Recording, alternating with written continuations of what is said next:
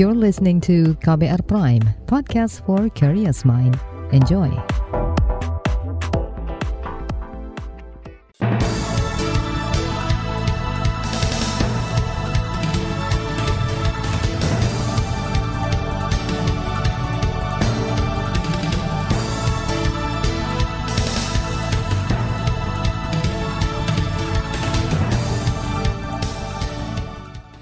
Selamat pagi saudara, senang sekali bisa menjumpai Anda kembali melalui program Buletin Pagi edisi Rabu 20 April 2022. Saya Malika. Sejumlah informasi pilihan telah kami siapkan di antaranya pemerintah tambah jenis imunisasi wajib baru. Kejagung tetapkan satu pejabat Kemendak sebagai tersangka dalam kasus kelangkaan minyak goreng. Wapres minta Lemhanas bentuk tim pengkaji Papua. Inilah Buletin Pagi selengkapnya. Terbaru di Buletin Pagi.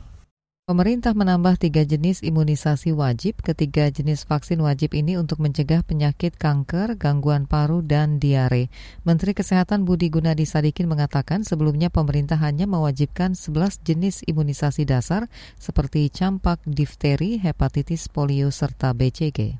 Misalnya kita akan naikkan vaksin wajibnya kita dari 11 antigen menjadi 14, kita tambah HPV, PCV, sama rotavirus, terutama karena kematian cancer itu paling banyak wanita Indonesia itu cervix sama breast cancer. Cervix ada ada vaksinnya ya daripada kita ngurusnya di rumah sakit yang mahal dan menderita buat rakyatnya kita urusnya di preventif aja. Jauh lebih murah daripada dioperasi di rumah sakit atau di kemo di rumah sakit dan jauh lebih nyaman juga buat yang si ibunya ya daripada dia masih masuk rumah sakit. Menkes Budi Gunadi menyebut prevalensi kanker serviks di Indonesia cukup tinggi berdasarkan data Kemenkes per 31 Januari 2019. Kasus kanker serviks mencapai 23 persen per 100 ribu penduduk dengan rata-rata kematian 13,9 persen per 100 ribu penduduk. Kendati ada penambahan jenis vaksin wajib baru, Budi Gunadi mengatakan pemerintah tetap fokus pada pemerataan imunisasi dasar khususnya untuk anak seperti difteri, campak, dan polio. Pasalnya sejak pandemi 2020 capaian 11 vaksin dasar menurun. Di tahun 2021 hanya 79 persen, padahal sebelumnya mencapai 84 persen. Penurunan ini mengakibatkan 800 ribu anak rentan terjangkit virus seperti rubella dan polio. Untuk itu pemerintah akan menggelar kegiatan bulan imunisasi anak nasional dalam dua tahap, yakni pada bulan Mei yang berfokus di wilayah Sumatera, Kalimantan, Sulawesi, Nusa Tenggara, Maluku, dan Papua, serta pada Agustus di wilayah Jawa dan Bali. Diharapkan dengan adanya pembagian waktu vaksinasi, petugas bisa menjangkau daerah terpencil. Penurunan vaksinasi dasar juga diakui Administrasi Kesehatan Ahli Muda Dinkes Natuna Imam Masuudi. Menurutnya selama pemberlakuan PPKM, para petugas tidak leluasa untuk jemput bola dengan mendatangi desa terpencil. Tahun 2021 kemarin baru 80 persen. Dan pada tahun ini sampai di triwulan pertama untuk capaian imunisasi baru 12,81 eh, persen. Jadi Eh, masih jauh dari harapan yang kita inginkan itu capaian imunisasinya. Ya mestinya kan per tribulan kan 25 persen. Selain pandemi, kata Imama, data imunisasi yang tidak lengkap dan sinkron juga menjadi penghambat pemberian imunisasi selama ini. Selain Natuna, capaian vaksinasi dasar rendah juga dialami Kalimantan Barat. Kabit P2 Dinkes Provinsi Kalbar Erna Yulianti menyebut sejak pandemi banyak orang tua enggan membawa anak-anaknya ke puskesmas dengan alasan takut terjangkit COVID-19. Sementara untuk pelaksanaan program jemput bola terkendala jumlah petugas lapangan. DPR mendukung langkah pemerintah melakukan perluasan program imunisasi dengan menambah tiga vaksin wajib. Anggota Komisi Kesehatan DPR, Rahmat Handoyo, mengatakan ini sudah senada dengan permintaan parlemen agar pemerintah memperkuat upaya promotif preventif dalam penerapan kebutuhan dasar kesehatan. Kebijakan menambah jumlah imunisasi wajib juga dinilai tidak akan mengganggu anggaran ataupun pelaksanaan imunisasi dasar yang telah berjalan kita dorong, kita desak kepada pemerintah agar perlakuan promotif dan preventif kesehatan itu diperkuat. Karena selama ini kuratifnya telah menguras anggaran APBN yang sangat signifikan, terutama kepada penyakit-penyakit yang eh, seperti tadi itu ya, yang saya sampaikan tadi itu ya. Nah, salah satu solusi untuk promotif dan preventif itu ada salah satu yang disampaikan yang beberapa waktu lalu di Komisi 9 eh, untuk memperluas cakupan vaksinasi wajib. Itu tadi anggota Komisi Kesehatan Rahmat Handoyo. Berdasarkan asumsi perhitungan biaya yang dilakukan oleh pemerintah, tambahan dana yang diperlukan untuk tindakan promotif dan preventif berkisar 1,78 triliun rupiah per tahun. Angka ini lebih kecil jika dibandingkan dengan penanganan penyakit katastrofik seperti biaya untuk jantung yang mencapai 10 triliun rupiah atau kanker mencapai 3,5 triliun rupiah per tahun. Senada dengan DPR, Ketua Komite Penasehat Ahli Imunisasi Nasional ITAGI Sri Rezeki Hadinegoro mendukung adanya penambahan tiga imunisasi wajib baru yang dicanangkan pemerintah. Menurutnya, vaksin tambahan Human Papilloma Virus HPV untuk mencegah kanker serviks dan vaksin pneumococcal conjugate vaccinate atau PCV untuk mencegah pneumonia sebenarnya sudah mulai diberikan sejak 2017 namun belum diwajibkan. Kemudian juga yang untuk pneumonia atau kita kenal sebagai pneumococcus BCV, pneumococcus conjugate vaksin, ini penting sekali untuk mencegah pneumonia. Pneumonia itu radang paru. Hmm. Radang paru ini di Indonesia eh, menyebabkan kematian paling tinggi pada anak-anak balita. Jadi ini sangat-sangat penting. Memang ini kita sudah terlambat jauh. Kalau negara lain itu sudah dari tahun 2000 mereka sudah memberi Sri Rezeki menjelaskan ketiga imunisasi tambahan termasuk rotavirus pencegah diare memang belum diproduksi dalam negeri seperti vaksin dasar lain, namun Bio Farma tengah meneliti agar ketiga vaksin itu bisa diproduksi sendiri tahun depan. Kendati imunisasi PCV, HPV, dan rotavirus penting, Sri berharap pemerintah tetap fokus menjalankan program imunisasi dasar lain karena masih banyak anak di daerah yang rentan terpapar berbagai penyakit seperti difteri dan polio. Ia mengakui capaian imunisasi dasar masih rendah, bahkan menurun karena pandemi. Untuk itu, ia mendorong pemerintah kembali mempercepat pelaksanaan imunisasi nasional tahun ini dan tahun depan untuk mengejar target capaian vaksinasi dasar 100 persen. Saudara Kejagung tetapkan satu pejabat Kemendak sebagai tersangka dalam kasus kelangkaan minyak goreng. Informasi selengkapnya sesaat lagi tetaplah di Buletin Pagi KBR. You're listening to KBR Pride, podcast for curious mind. Enjoy!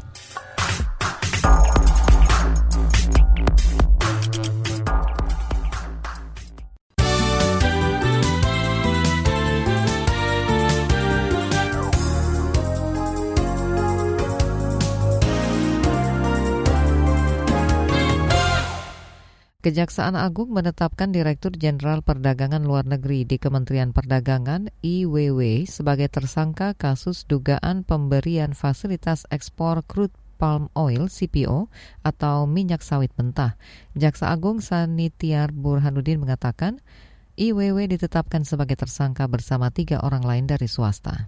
Tersangka ditetapkan empat orang. Yang pertama, pejabat eselon 1 pada Kementerian Perdagangan bernama IWW, Direktur Direktur Jenderal Perdagangan Luar Negeri, Kementerian Perdagangan. Dengan perbuatan tersangka telah menerbitkan cara melawan hukum persetujuan ekspor terkait komoditi crude palm oil atau CPO dan produk turunannya Jaksa Agung Sanitiar Burhanuddin menyebut IWW telah memberikan persetujuan ekspor ke Permata Hijau Group, Wilmar Nabati Indonesia, PT Multimas Nabati Asahan, dan PT Musim Mas. Perbuatan tersangka telah merugikan perekonomian negara karena mengakibatkan kemahalan dan kelangkaan minyak goreng di masyarakat. Keempat tersangka diduga melanggar undang-undang tentang perdagangan. Saudara bekas penyidik senior Komisi Pemberantasan Korupsi KPK Novel Baswedan mengapresiasi upaya koalisi masyarakat sipil dan sejumlah pakar yang tergabung dalam tim advokasi Novel Baswedan untuk mengeksaminasi putusan kasus penyiraman air keras. Novel berharap eksaminasi bisa menyadarkan dan memberi efek jerah para pelaku manipulasi proses hukum kita semua atau saya paling tidak berharap uh, kita bisa membawa permasalahan-permasalahan ini ke ruang yang lebih terang sehingga apa pun yang dilakukan seperti manipulasi dan lain-lain itu bisa menjadi lebih terlihat. Tentu kita berharap upaya-upaya ini bisa membuat orang-orang yang terbiasa melakukan manipulasi kemudian harus berpikir ulang karena uh, tentunya pada suatu saat akan menjadi sorotan orang banyak dan itu akan menjadi hal yang sangat memalukan. Novel mengatakan telah memaafkan pelaku secara pribadi, akan tetapi secara tegas tidak memaklumi perbuatan tersebut. Dia berharap kejadian yang menimpanya bisa menjadi pembelajaran bagi pemerintah dan aparat penegak hukum bahwa hukum tidak bisa dipermainkan dan keadilan adalah untuk bersama. Masih terkait informasi hukum Mahkamah Agung menolak gugatan uji material Permendikbud Ristek tentang pencegahan dan penanganan kekerasan seksual PPKS di lingkungan perguruan tinggi yang diajukan Lembaga Kerapatan Adat Alam Minangkabau LKAAM Sumatera Barat. Koalisi Masyarakat Sipil Anti Kekerasan Seksual Kompaks mengapresiasi putusan tersebut. Berikut perwakilan Kompaks Rizka Carolina. Tentu menganggap hal ini adalah suatu hal yang adil dan memang sudah seharusnya untuk ditolak karena tidak melanggar undang-undang uh, Permendikbud ini. Kedua, Permendikbud ini uh, juga memberikan perlindungan kepada kekerasan seksual uh, yang terjadi di lingkungan kampus. Perwakilan Kompak Rizka Carolina menambahkan makna persetujuan Permendikbud soal PPKS sudah jelas. Kata dia persetujuan itu merupakan segala hal yang tanpa paksaan. Sebelumnya Lembaga Kerapatan Adat Alam Minangkabau Sumatera Barat menggugat peraturan itu ke Mahkamah Agung. Mereka meminta MA mencabut aturan itu karena berpotensi multitafsir. Beralih ke informasi ekonomi, Bank Indonesia memperkirakan adanya penurunan pertumbuhan ekonomi di tanah air tahun ini. Gubernur BI Peri Warjio mengatakan volume ekspor yang tertahan, kenaikan harga energi dan pangan global menjadi pemicunya. Kata dia, pertumbuhan ekonomi nasional ditopang kinerja positif berbagai lapangan usaha seperti perdagangan, transportasi, dan pergudangan. Dengan perkembangan tersebut, untuk keseluruhan tahun 2022, Bank Indonesia memperkirakan pertumbuhan ekonomi akan mencapai 4,5 sampai 5,3 persen, sedikit lebih rendah dari perkiraan sebelumnya, yaitu sebesar 4,7 sampai 5,5 persen. Gubernur BI Peri Warjio mengungkapkan hingga triwulan pertama tahun ini perbaikan ekonomi terus berlanjut, itu semua lantaran meningkatnya konsumsi, investasi non-bangunan, dan kinerja ekspor. Kondisi itu sejalan dengan meningkatnya mobilitas penduduk dan membaiknya aktivitas ekonomi. Kita beralih ke soal mudik, kepolisian mengidentifikasi enam titik bottleneck atau penyempitan jalan yang berpotensi menimbulkan kemacetan saat mudik. Juru bicara Mabes Polri Ahmad Ramadan merinci enam titik meliputi arah Pelabuhan Merak, Cikampek, serta Jakarta. Untuk itu kepolisian akan memperlakukan ganjil genap hingga kontraflow. Arus mudik dilakukan mulai hari Kamis 28 April 2022 pukul 17.00 sampai dengan 24.00 waktu Indonesia Barat diberlakukan untuk kendaraan dengan plat nopol genap. Ini dimulai dari tol Cikampek kilometer 47 sampai dengan gerbang tol Kali Kangkung kilometer 414. Juru bicara Mabes Polri Ahmad Ramadan mengatakan aturan ganjil genap akan berlaku hingga 1 Mei 2022. Kendati begitu ada 10 kendaraan yang akan dikecualikan dalam aturan rekayasa lalu lintas, di antaranya kendaraan pimpinan lembaga negara, kendaraan pimpinan dan pejabat negara asing dan lembaga internasional yang menjadi tamu negara, kendaraan umum dengan tanda nomor kendaraan bermotor berwarna dasar kuning, kendaraan bertanda khusus yang membawa disabilitas, hingga kendaraan damkar dan ambulans. Kita ke mancanegara, Sri Lanka untuk pertama kalinya menembak mati pendemo sejak krisis ekonomi dan politik mengguncang negara tersebut. Dilansir dari AFP, kepolisian saat itu melepaskan tembakan ke arah masa yang memblokir jalan Rambukana kemarin. Para pengunjuk rasa memprotes kebijakan pemerintah yang tidak bisa mengendalikan krisis sehingga harga minyak dan bahan pokok melambung tinggi. Ini menyulitkan warga untuk bertahan hidup dalam situasi panas. Akibat insiden penembakan itu 10 pendemo lain terluka dan dilarikan ke rumah sakit terdekat. Krisis ekonomi yang dialami Sri Lanka memang disebut sebagai krisis terparah sejak negara tersebut berdiri pada 1948. Shanghai kembali melaporkan kematian akibat COVID-19 sejak lockdown atau penguncian wilayah ketat diberlakukan Maret lalu. Melansir AFP, pada Senin lalu Cina melaporkan tiga kematian dan menyusul tujuh kematian pada Selasa kemarin. Menurut anggota Komisi Kesehatan Shanghai, Qian Yu tujuh orang yang meninggal itu belum menerima vaksin. Mereka berusia antara 60 hingga 101 tahun dan memiliki riwayat sakit jantung serta diabetes. Sejak bulan lalu, Shanghai memperlakukan penguncian wilayah wilayah secara parsial selama dua minggu, namun serangan COVID di negara itu tak kunjung menurun dan memaksa pemerintah memperlakukan penguncian hingga sekarang. Ini banyak dikeluhkan masyarakat lantaran mereka kesulitan mendapat logistik saat menjalani karantina. Data Komisi Kesehatan setempat menyebut dalam sehari penambahan kasus baru corona mencapai 20 ribu. Kita ke berita olahraga, Liverpool menghajar Manchester United dengan skor telak 4-0 dalam duel pekan ke-30 Premier League 2021-2022 pada Rabu dini hari. Pertandingan berjalan berat sebelah. Bermain di Anfield, The Reds menggempur setan merah sejak menit awal.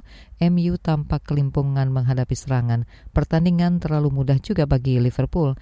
Pesta 4 gol Liverpool kali ini dimulai oleh Luis Diaz, lalu diteruskan oleh Muhammad Muhammad Salah dan Sadio Mane, MU tidak bisa mencetak gol balasan. Hasil ini mengantar Liverpool naik ke puncak klasemen sementara sedangkan MU harus bertahan di peringkat ke-6. Di bagian berikutnya kami hadirkan laporan khas KBR bertajuk Rapor Merah KPK Era Firly CS. Tetaplah di Buletin Pagi KBR.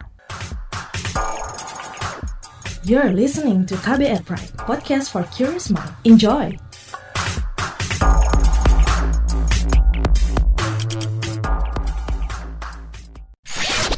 Commercial break.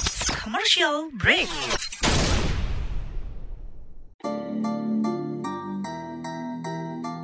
Come on yo. Buat yang sukanya berhoax, you better listen to this one. Check this one out yo. Hati-hati kalau baca kabar Hoax. Jangan langsung disebar kabar yang Hoax. Kalau mau tahu kabar benar atau Hoax. Dengerin cek fakta yang pasti bukan Hoax. Dengerinnya setiap Senin yang jelas bukan Hoax. Cuma ada di kbrprime.id dan aplikasi podcast lainnya. Hoax. Sudah cukup-cukup hoaxnya? Hoax. Cukup. Jaga emosi, tahan jari, verifikasi sebelum dibagi. Saya Aribo Sasmito, Ketua Komite Pemeriksa Fakta Mafindo. KBR Prime, podcast for curious mind.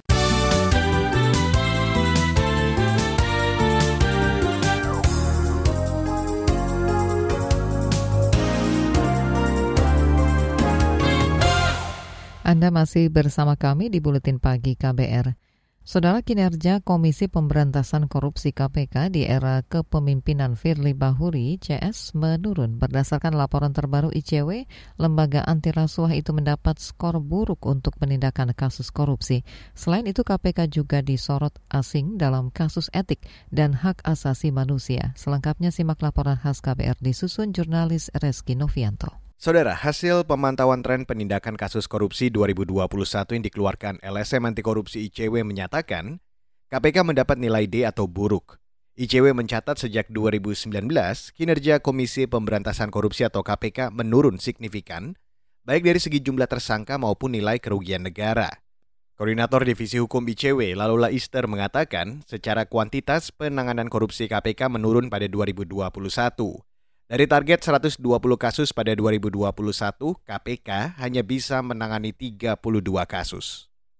Dari keseluruhan target yang ditetapkan oleh KPK di tahun 2021 terpantau hanya 26,6 persen eh, target yang berhasil dipenuhi eh, oleh KPK. Dan ini kategori yang diberikan eh, untuk kerja tersebut adalah D.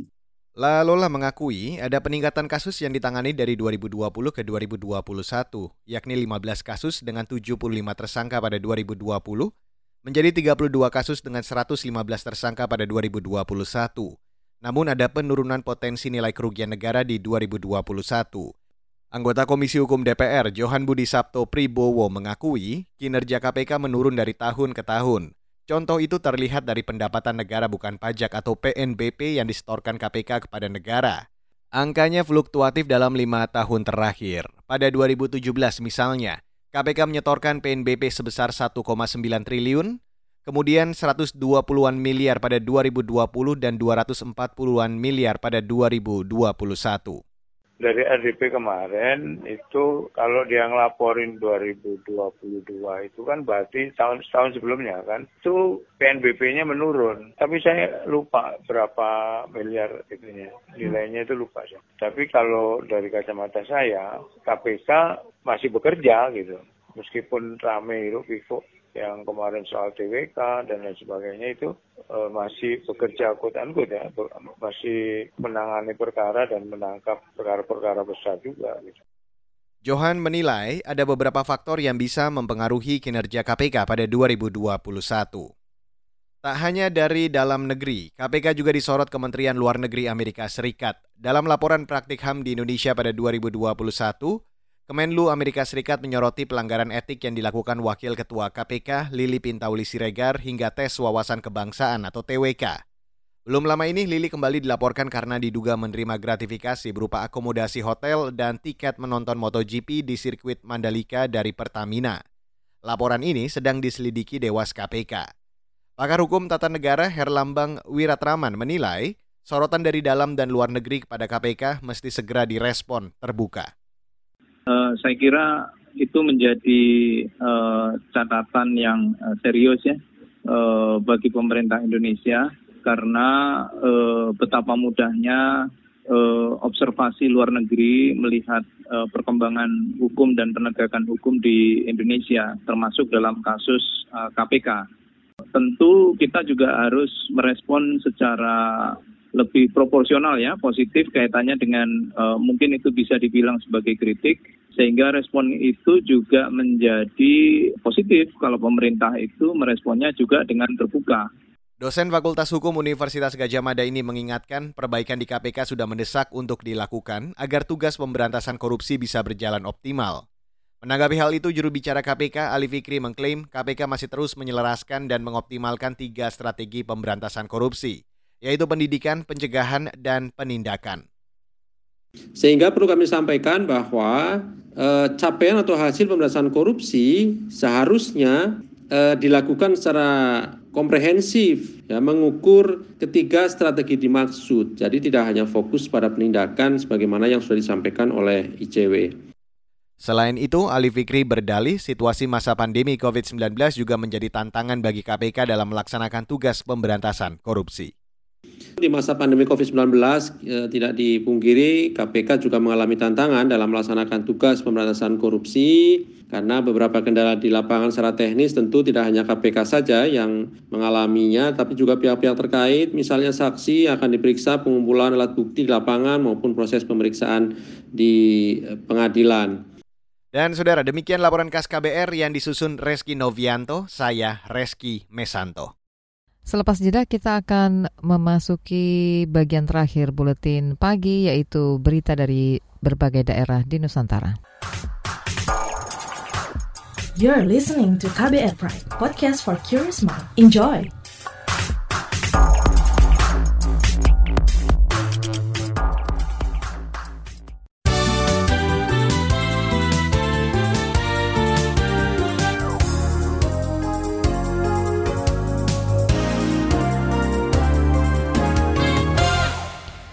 Inilah bagian akhir buletin pagi KBR.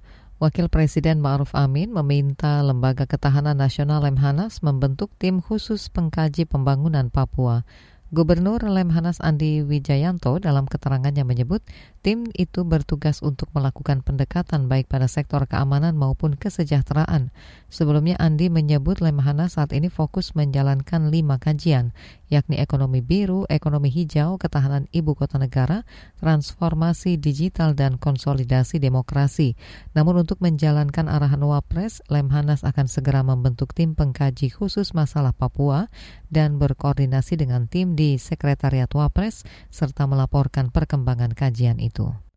Masih dari Papua, ratusan mahasiswa Papua yang sedang menyelesaikan studi di luar negeri terancam berhenti kuliah lantaran belum membayar uang kuliah pada akhir Maret lalu.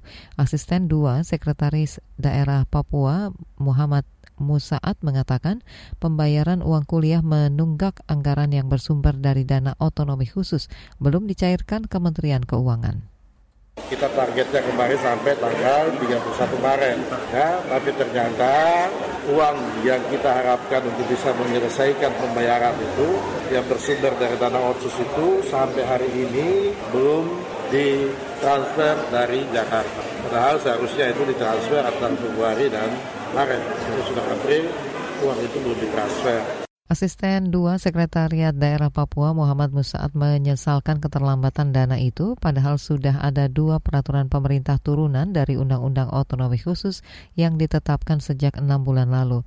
Pemprov Papua berencana menyurati pimpinan perguruan tinggi di sejumlah negara untuk meminta perpanjangan batas waktu pembayaran uang kuliah bagi mahasiswa asal Papua.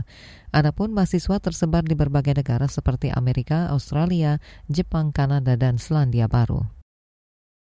Pemkot Solo akan menggenjot pemulihan perekonomian selama masa pandemi dengan menggelar berbagai event internasional. Wali Kota Solo Gibran Raka Buming Raka mengatakan Solo akan menjadi tuan rumah event dunia berbagai bidang, mulai dari olahraga, ekonomi hingga konser musik. Setelah Lebaran kita punya event para game ini Solo menjadi tuan rumah para game untuk kedua kalinya. Masih ada event G20, G20 yang lain, ada side event G20 yang lain juga. Ini sangat bagus sekali juga untuk branding kota Solo di mata internasional. Dream Theater akan datang di kota Solo. Ini mungkin salah satu band internasional. Wali Kota Solo Gibran Rakabuming optimistis pertumbuhan ekonomi wilayahnya akan segera membaik. Dia mengatakan selama dua tahun pandemi membuat perekonomian Solo sempat anjlok. Pembatasan akses wilayah dan aktivitas ekonomi pariwisata membuat roda perekonomian melambat. Padahal selama ini sektor pariwisata, perhotelan, kuliner menjadi komoditas utama kota Solo. Informasi tadi menutup jumpa kita di Buletin Pagi hari ini. Pantau juga informasi terbaru melalui kabar baru, situs kbr.id, Twitter kami di akun @beritaKBR, serta podcast di alamat kbrprime.id. Akhirnya saya Malika bersama tim yang bertugas undur diri. Salam.